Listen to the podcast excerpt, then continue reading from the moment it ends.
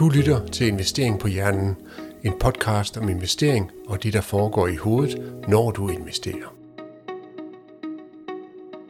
Velkommen til Investering på Hjernen.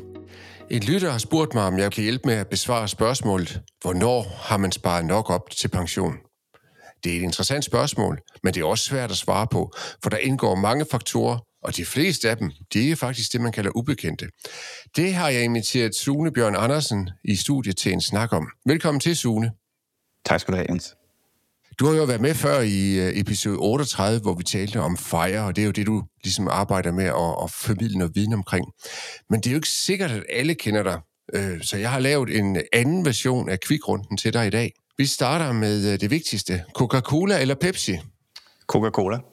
Det er modtaget og godkendt af svaret også, vil jeg vælge at sige, hvilket jo siger noget om, at jeg er lidt biased på den. Rock eller popmusik? Rock. Sådan en rigtig hård, tung noget. Yes. Er det rigtigt? Ja, der skal bare smadre på. Det, er ikke, det overrasker mig ikke helt vildt, men det var også sjovt. Bil eller cykel? Cykel. Er der så batteri på den? Øh, nej, det er det. Jeg har ikke engang kørekort, så det er et ret nemt svar for mig.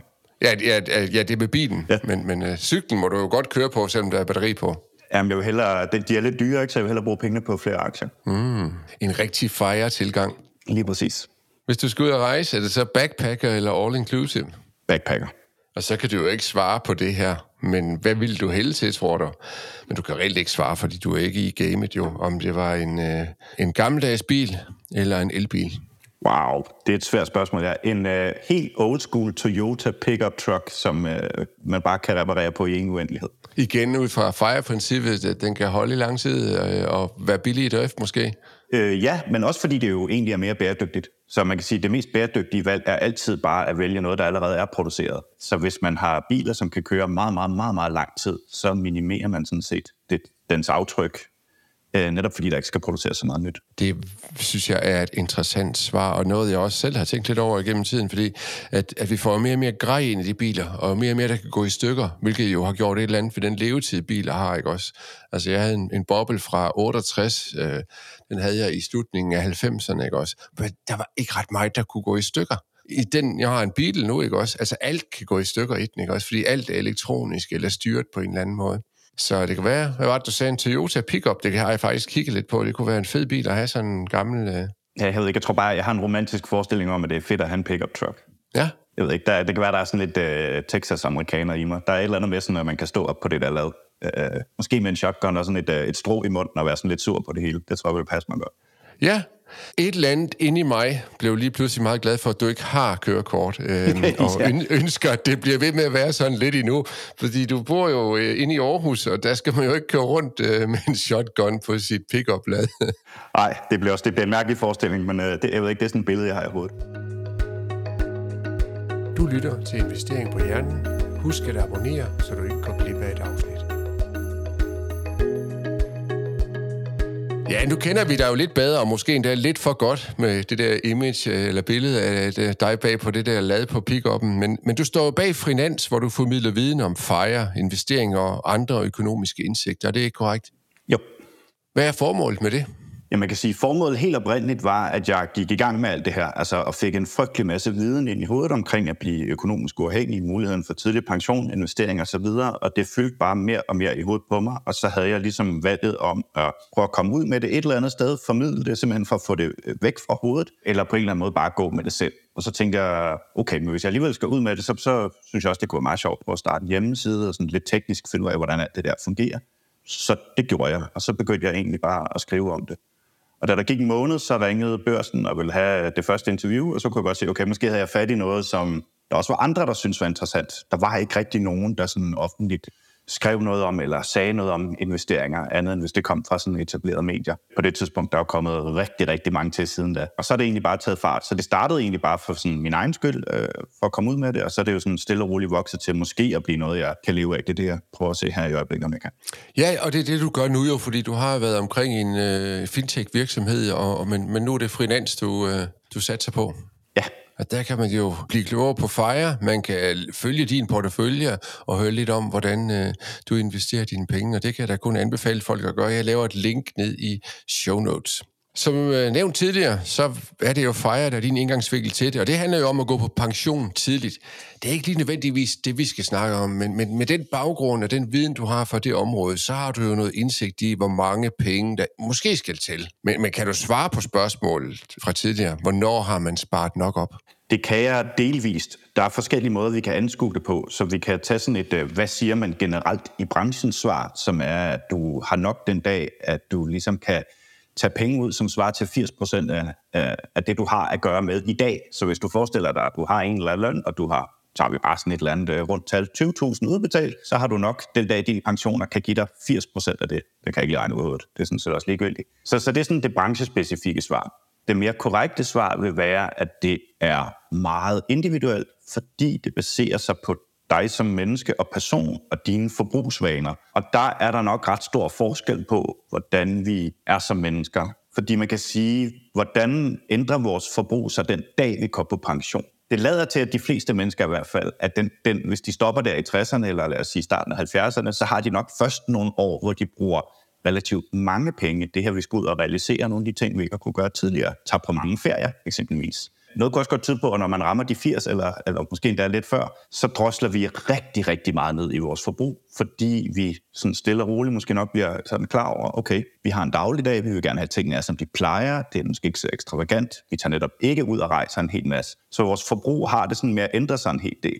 Men igen, nu snakker vi jo gennemsnitligt og sådan, ikke? Og, og, og der kan jo være kæmpe stor forskel det gør vi i høj grad, fordi jeg kan, jeg kan lige komme med en anekdote i den forbindelse, fordi jeg har en, en, en far, han er, han er 95, og øh, han, blev, han var så 94 sidste år, og øh, der valgte han så at købe en ny elbil. Så, så, så hans forbrug er ikke nødvendigvis drosset ned på alle områder. Han ville simpelthen af med en, en to år gammel bil, han også har købt for ny af, og så ville han have en elbil, fordi han gerne vil sidde lidt højere, og så med på det der elbilcirkus. Det synes jeg faktisk er en fed historie.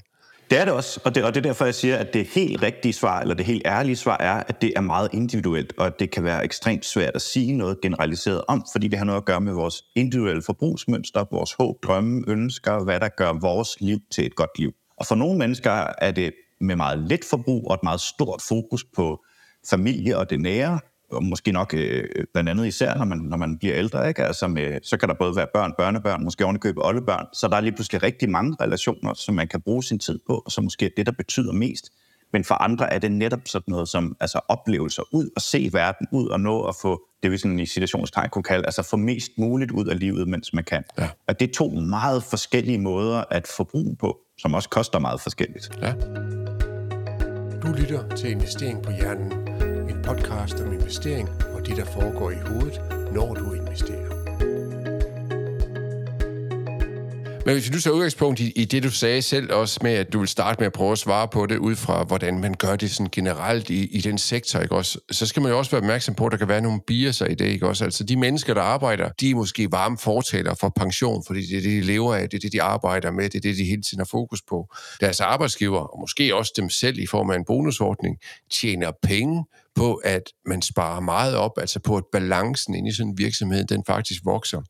Øh, og endelig måske det, som, som man overser lidt nogle gange, det her, der man kunne kalde det måske en form for rådgiveransvar, at øh, tænk, hvis de nu mødte en, når man er blevet de der 80 år, og så vedkommende fortæller, på høre, det var jo alt for lidt, du fik mig til at spare op. Det kunne også være træls. Hvorimod der er nok ikke ret mange, der vil sige, det var alt for meget, du sagde, at jeg skulle spare op. Så de, de er biased. De er presset mod at få mere ind. Så, så det der tal på 80% af din nuværende indtægt, altså er der en anden vinkel på det? Hvad kunne man ellers gøre? Jamen, vi kan måske lige starte et andet sted. Det er ikke, fordi jeg ikke vil svare på spørgsmålet, det vil jeg meget gerne. Men, men det er i hvert fald fuldstændig rigtigt, at der er flere ting, som presser, hvad kunne vi sige, det tal opad. Altså et er, at pensionsselskabet, der forvalter dine penge, de ønsker at forvalte flest mulige penge. Fordi jo flere penge de forvalter for dig, jo rigere bliver de, fordi de tager et procentuelt kort af det.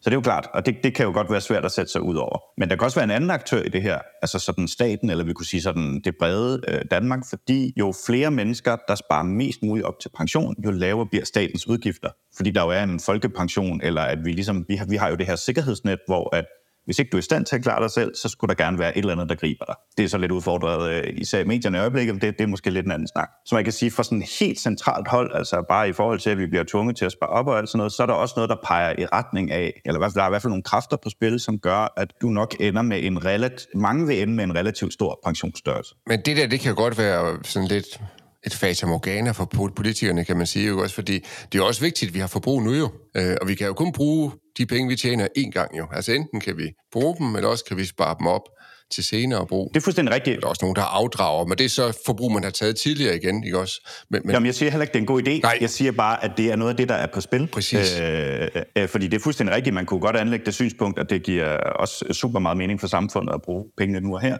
Men der, vi kan bare konstatere, at der er nogle kræfter på spil, som gør, at du i en eller anden grad enten bliver tvunget eller notchet, hvis vi er over i, i det, du beskæftiger dig med, til i hvert fald at have en relativt høj pensionsopsparing. Så men lad os tage udgangspunkt i det, måske er det her 80%-tal. Ikke? Så kunne vi sige os selv, eller kigge sådan lidt på det, jamen hvad så, hvis man bruger mindre øh, end det, 70-60 procent er måske det reelle tal. Men vi er bare ude i et, øh, et scenarie her, som handler mest af alt om risiko og risici, og hvor meget man egentlig er komfortabel med. Altså, hvad sker der i sidste ende, hvis vi har sparet for lidt op?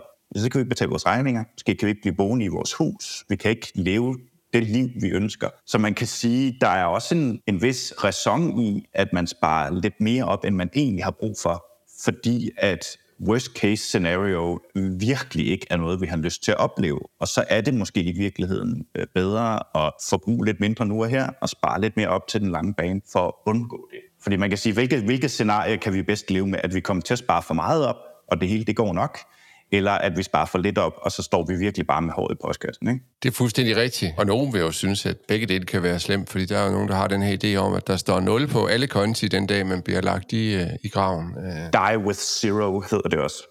Præcis. Hvilket jo er rigtig svært at beregne. Ja, altså det kan man jo grundlæggende ikke. Og det er jo det, der er så svært, når, når folk også spørger mig, øh, for jeg får det spørgsmål tit, hvordan laver jeg sådan en nedsparingsplan, så man ligesom sikrer, at man ender med et stort rundt nul på kontoen den dag, man, man stiller træskoen. Og det rigtige svar er, det kan man ikke. Altså det er simpelthen ingen mulighed. Og det er fordi, at når vi har med, med sådan noget som investeringer at gøre, som en pension jo i princippet er, det er også alt muligt andet, men i hvert fald investeringsdelen, så har vi jo at gøre med noget, som udvikler sig procentuelt over tid inden for et spænd.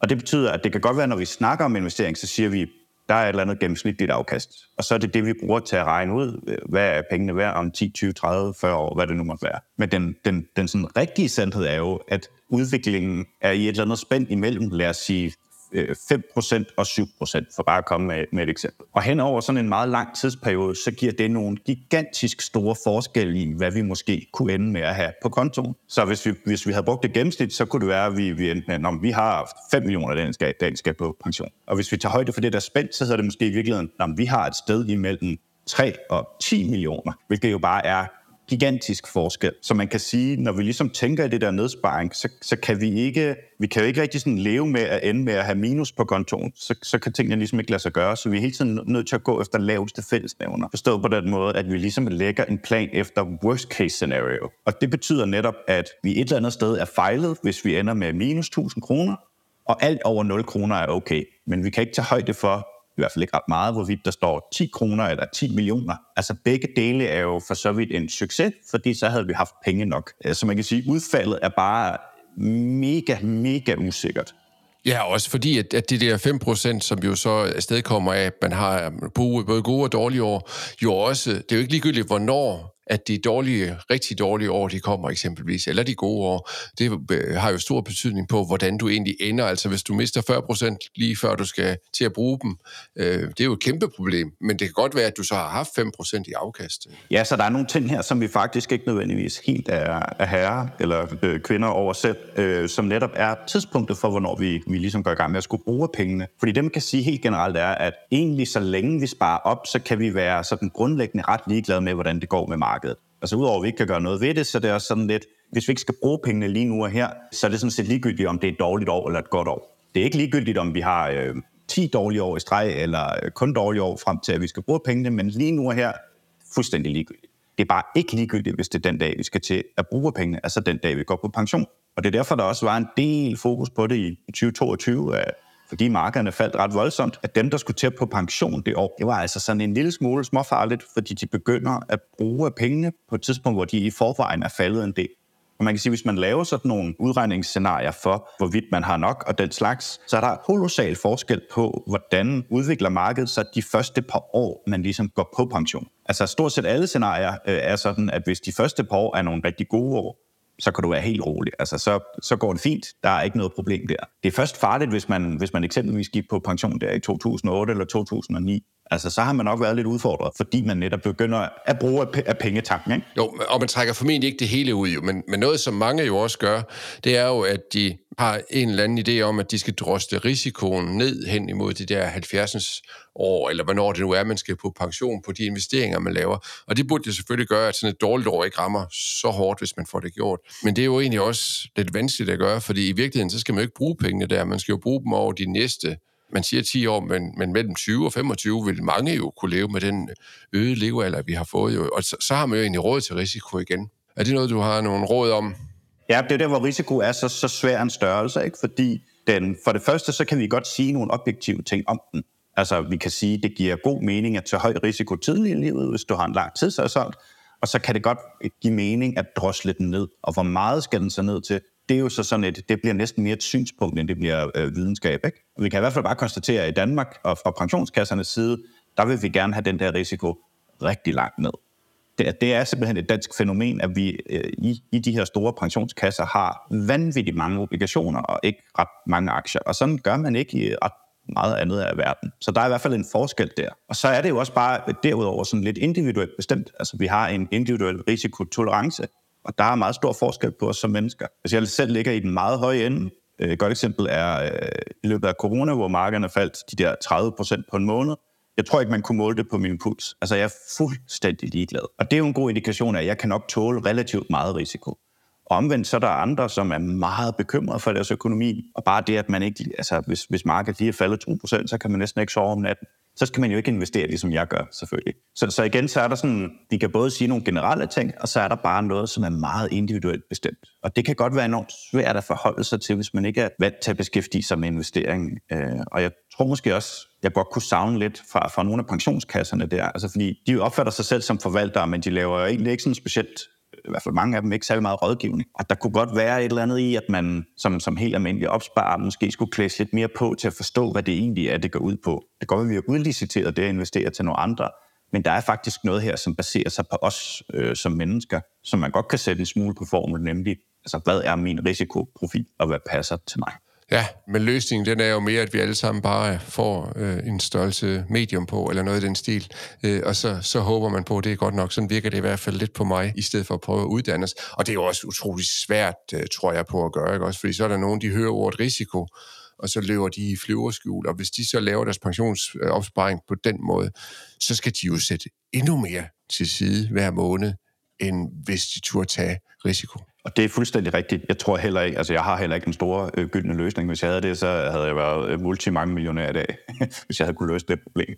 Fordi det er svært. Og selv øh, os, der er i den her branche, kan jo også have svært ved det. Altså, hvis man reelt set skulle beskrive øh, sådan meget simpelt, altså, hvad er risiko, så er der også mange måder at svare på det på. Så det er sådan, nogle af de her ting er jo ikke sådan soleklar, hvad det egentlig præcis er, vi mener øh, når vi siger tingene. Og min påstand, og det har jeg sagt mange gange, jeg tror også, jeg har skrevet det i en enkelt bog på et tidspunkt, at øh, mange overser måske det, jeg synes også er en vigtig risiko, nemlig risikoen for ikke at få nok i afkast. Ja, helt enig. Det skal man jo også forholde sig til, ikke også? Men det er som om, at man, det kigger man ikke på. Man kigger på risikoen for udsving, ja. som jo over tid ikke betyder ret meget, og sådan er det lang tidshorisont. Nå, det er en helt anden podcast. Det kan være, at vi skal vende tilbage til den på et andet tidspunkt til at snakke om, om det med risikoen. Du lytter til Investering på Hjernen med Jens Balle.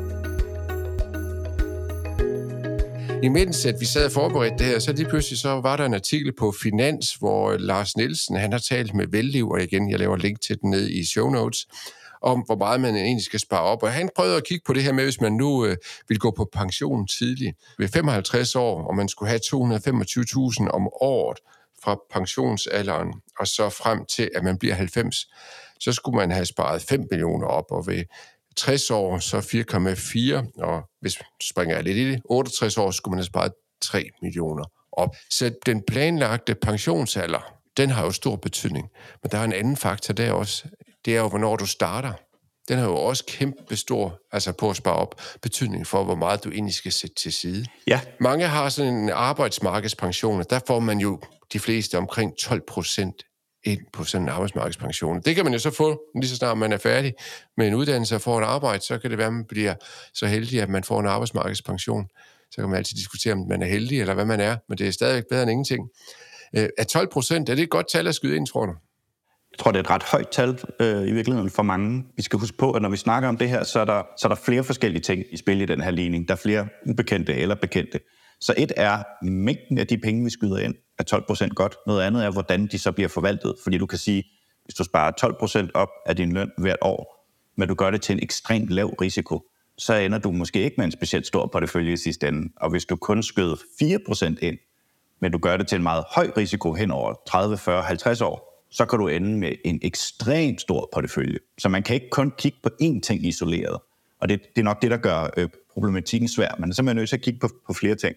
Jeg tror langt de fleste danskere, som har en arbejdsmarkedspension, og lad os sige det med de her gennemsnitlige 12 procent, øh, de sætter ind, så tror jeg godt, man kan tillade sig at sige, så, øh, så har de nok nogenlunde øh, styr på det med, med pensionen langt hen ad vejen. De skulle nok i virkeligheden mere kigge ind på, end i deres pensionsselskab, har jeg nogle muligheder for at bestemme, hvordan pengene er placeret? Og så netop vælge en, en, en højere risiko, jo, jo yngre man er. Altså jeg har set rigtig mange eksempler på, på pensionskasser, hvor at du ikke kan, kan gøre noget. Så du kan kun have, jeg har selv haft det, en, øh, en lav risiko. Så da jeg kom ud på arbejdsmarkedet slut 20'erne og, og fik mig et job og betalte en masse ind til pension, så kunne jeg kun have lav risiko, hvilket frustrerede mig helt vildt. Fordi at jeg kunne jo godt se, at jeg ikke fik den udvikling, jeg, jeg gerne ville have.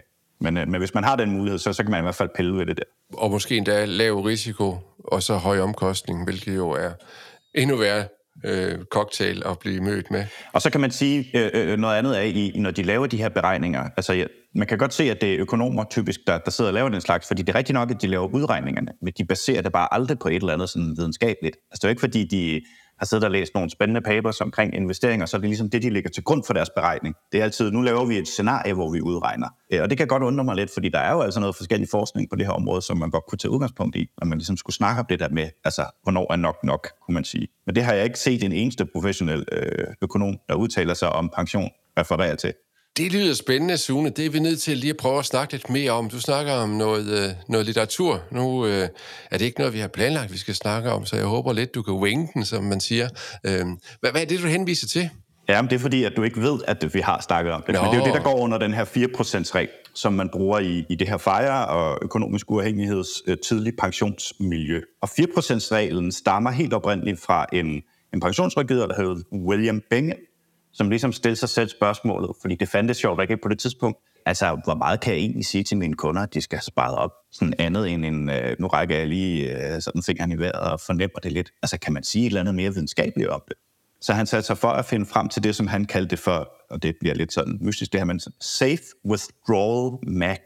Altså, hvad er det maksimale, vi kan trække ud af vores portefølje, og være 100% sikker på, baseret på historisk data, at vi ikke løber tør for penge de næste 30 år. Så hans tanke var, at hvis man tidligst gik på pension som 60-årig, så skulle man have nok til man var 90. Ja. Og tallet her var 4,17 procent, deraf 4% reglen. Altså, vi kan trække 4 procent ud af vores investeringsportefølje hvert år, justeret for inflation, hen over 30 år, hvis vi har en fornuftig blanding af aktieobligationer, mener hans tilfælde. Det har enten været en 50-50 portefølje, eller sådan en helt klassisk 60-40, kalder man det. 60% aktier, 40% obligationer, bredt investeret, store indeks, alt den slags, jamen så kan vi altså trække 4% ud hvert år. Og hvis vi kan det, så kan vi øh, vende regnestykket, således at vi siger, okay, hvis jeg kan trække 4% ud, hvor meget skal jeg så have sparet op? Og der er svaret 25 gange dine årlige udgifter. Så der ved vi, hvornår vi har sparet nok op. Hvis vi har et forbrug på 100.000 kroner om året, og nu tager vi bare det tal, fordi det er nemt, så skal du have opsparet 2,5 millioner. Og det er så senere hen blevet, altså det her studie er blevet gentaget. Det mest kendte er det, der hedder Trinity-studiet, fordi der var tre professorer fra Trinity College, der lavede det. Og i stedet for ligesom kun at kigge på det her med de 4%, så lavede de øh, et, et udvidet studie, som hedder, hvis vi skruer op og ned for den her procent, vi kan trække ud, hvad gør det så for sandsynligheden for, at vi har nok? Så der vil for eksempel være, hvis man er virkelig med livrem og sæler, og det skal bare ikke kunne gå galt, så kunne det være, at man har en 3%-regel. Hvis man er lidt mere risikovillig, så kan det være, at det hedder en 5%-regel så falder sandsynligheden for at lykkes, men ja. Og så kan man sige øh, derudover, at timingen har også lidt at gøre her. Så det var det, vi snakkede lidt om tidligere med, hvornår man går på pension, afhængig af, hvordan markedet har klaret sig. Fordi jo bedre årene er i starten af ens pension, jo større procentsats kan man tillade sig at hive ud. Så de 4% her, som, som i studierne er med, med 100% sandsynlighed, der kan det altså godt være, at man er gået på pension i 1929, hvor det vildeste krak nogensinde fandt sted og så har man stadig haft nok. Så det er virkelig sådan worst case scenario baseret. Og hvis du i stedet gik på pension i, hvad ved jeg, midt til slut 90'erne, hvor der kom nogle ret vilde runs, så kunne du måske næsten have trukket 10% ud om året. Så 4%-reglen er virkelig bare sådan helt ned til værst tænkelige scenarie øh, målt historisk. Hvor meget kan vi trække ud? 4%. Og det er jo så under forudsætning, at pengene stadigvæk er investeret. Man må ikke, endelig ikke sælge det hele, når man går på pension, så lad det stå på en konto. Så dur den regel ikke, og det er korrekt. Nej, altså den er baseret på, at pengene er investeret. Vi bruger 4% hvert år, justeret for inflation, så det vil sige, at det sandsynligvis vil stige, øh, hvor mange penge vi bruger. Og ja, i, i studierne er det bare lavet til, at du hæver dem i starten af året. Så du hæver de penge, som du skal bruge, og lader resten stå. Ja. Du lytter til Investering på Hjernen. Find alle de gamle episoder i din favorit podcast afspiller, eller se mere på investeringpohjernen.dk. Jeg laver et link til 4% øh, øh, materiale ned i øh, show notes også, så folk de kan, de kan finde noget om det. Og det er jo så udbetalingsdelen, vi snakker om her også, jo, ikke også? Altså, hvordan man får det til at række så langt som muligt. Hvor meget skal man så bruge? Så kan man jo sætte sig ned og sige, jamen, hvis jeg skal bruge 4%, hvor stor skal formuen så være? Og det er jo at tage det tal og gange med 25, er det ikke korrekt? Jo. Ja.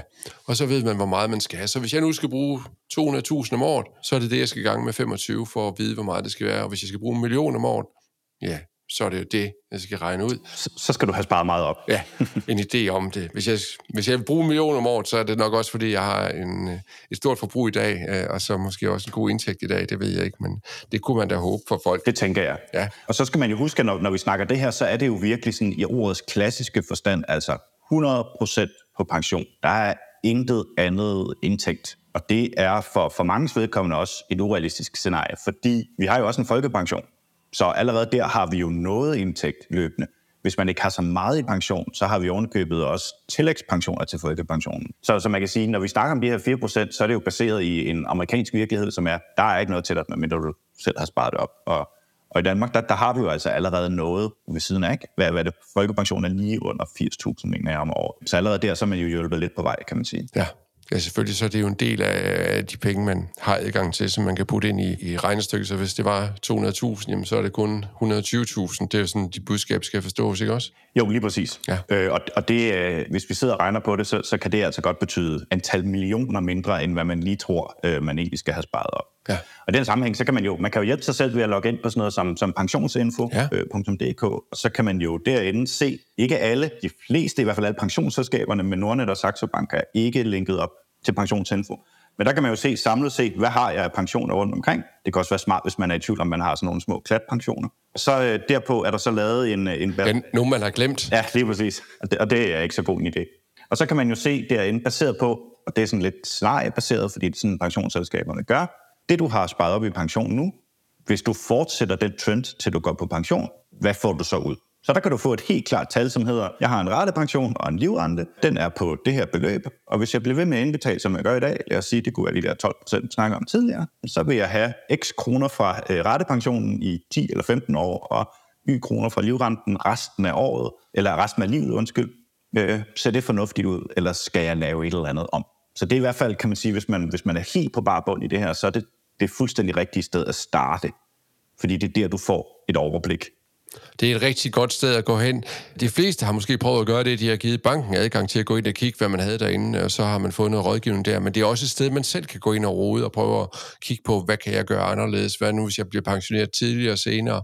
Og hvilken effekt har det? Så der er nogle forskellige scenarier, man kan bruge. Ja, det, det, det er faktisk ret lækkert lavet. Der er for eksempel bare sådan en nem slider, øh, som man kan bruge, hvor man kan se, hvad er forskellen på, at jeg går på pension så tidligt som muligt, i hvert fald sådan officielt, det, er jo nok sådan noget slut 60'er, eller hvad effekt har det, hvis jeg udskyder det til starten af 70'erne, midten af 70'erne, hvad det nu måtte være.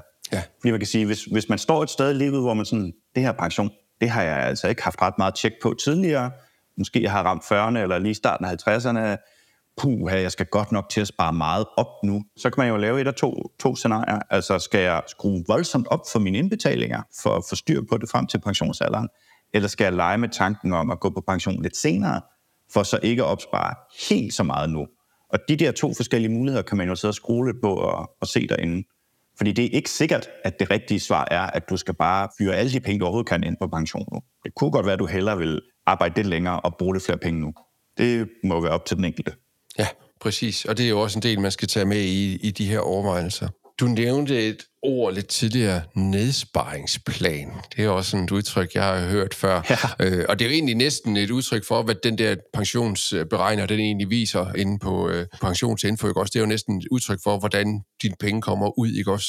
Ud fra de regler, der du er på de forskellige ordninger. Men øh, det der nedsparingsplan, jeg tror også, den kunne måske også godt blive påvirket af nogle andre ting, jo, fordi øh, der er mange i opsparingssituationen, der måske tænker, at jeg behøver ikke sætte så meget ind, fordi jeg vil hellere bruge pengene nu. Og de kan jo måske blive ramt af, at de har vendt sig til et højt forbrug, og når de så går på pension, hvis de så ikke har nok sparet op, så bliver de ramt der. Det kan man hurtigt lære, fordi så sker der jo det, at når pengene de er brugt, jamen, så bliver kortet afvist. Men så er der det andet scenarie. Hvis man nu har brugt hele sit liv på at spare op, på at finde steder, hvor jeg kunne spare nogle penge, og har dermed, jo fordi man så har sparet det op og investeret det på en god måde, formentlig en del penge stående, tror du ikke, det bliver svært for dig, Sune, at bruge de penge, når den dag den kommer? Øh, jo, det tror jeg, at jeg er et rigtig godt eksempel på. Altså man kan sige, langt hen ad vejen, så er man jo et produkt af de vaner, man har. Og de vaner, de manifesterer sig eller sætter sig jo fast over tid. Og det er klart, at hvis man har brugt hele sit liv på at bruge råb og stopper, hvad man har, så er det nok svært at blive en god opspar. Dermed ikke sagt, at man ikke kan, men det er nok svært, fordi jo ældre man bliver, jo mere finder man også ud af, at alting ikke er sort-hvidt. Alting er et eller andet sted på et spektrum. Og for mig, som har brugt en meget stor del af mit liv på at være sparsomlig, jamen så er det nok svært for mig at gå over til at bruge en masse penge, fordi sådan er jeg bare ikke som menneske.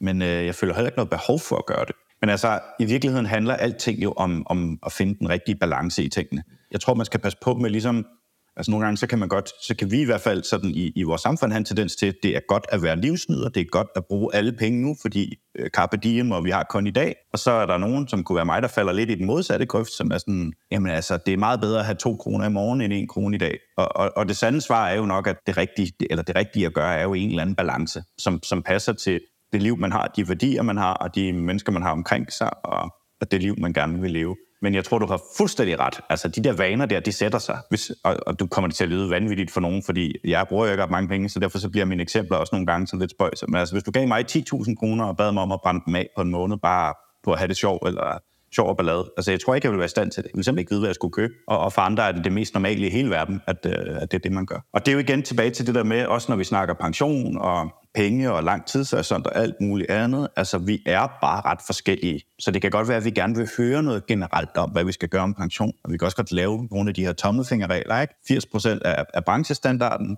4% reglen, så kan man regne lidt på det.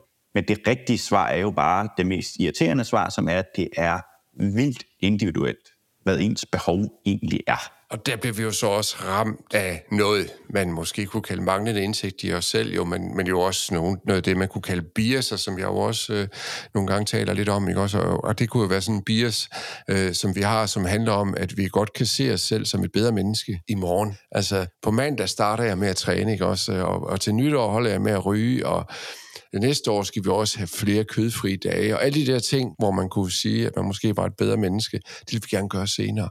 Og derfor kunne man måske godt falde for at sige, ja, men når jeg går på pension, så skal jeg ikke bruge ret meget, og så bruger man det hele nu, og så har man god samvittighed, men så kan man blive negativt overrasket. Så nogle gange kunne tommelfingerregler måske også hjælpe nogen på rette vej, altså en form for nudge, ligesom at jeg tror, at det der 12% arbejdsmarkedspension, det er jo egentlig en form for nudge, så nu for at få sparet noget op hvor der så selvfølgelig er tvang i, men, men en barriere, der gør, at man får gjort noget ved det. Ja, helt rigtigt. Altså man kunne sige, lad os nu sige, at tommelfingerreglen her er, at du skal spare op til, du har, øh, så du kan udbetale 80% af det, du får i dag, og du på en eller anden måde kommer selv frem til, at jeg skal kun bruge 60%. Så kan det godt være, at det rigtige svar, det var lige midt imellem de to, nemlig 70%. Fordi vi har nok en tendens til at overromantisere, hvor dygtige vi er til at lade være med at bruge penge i fremtiden.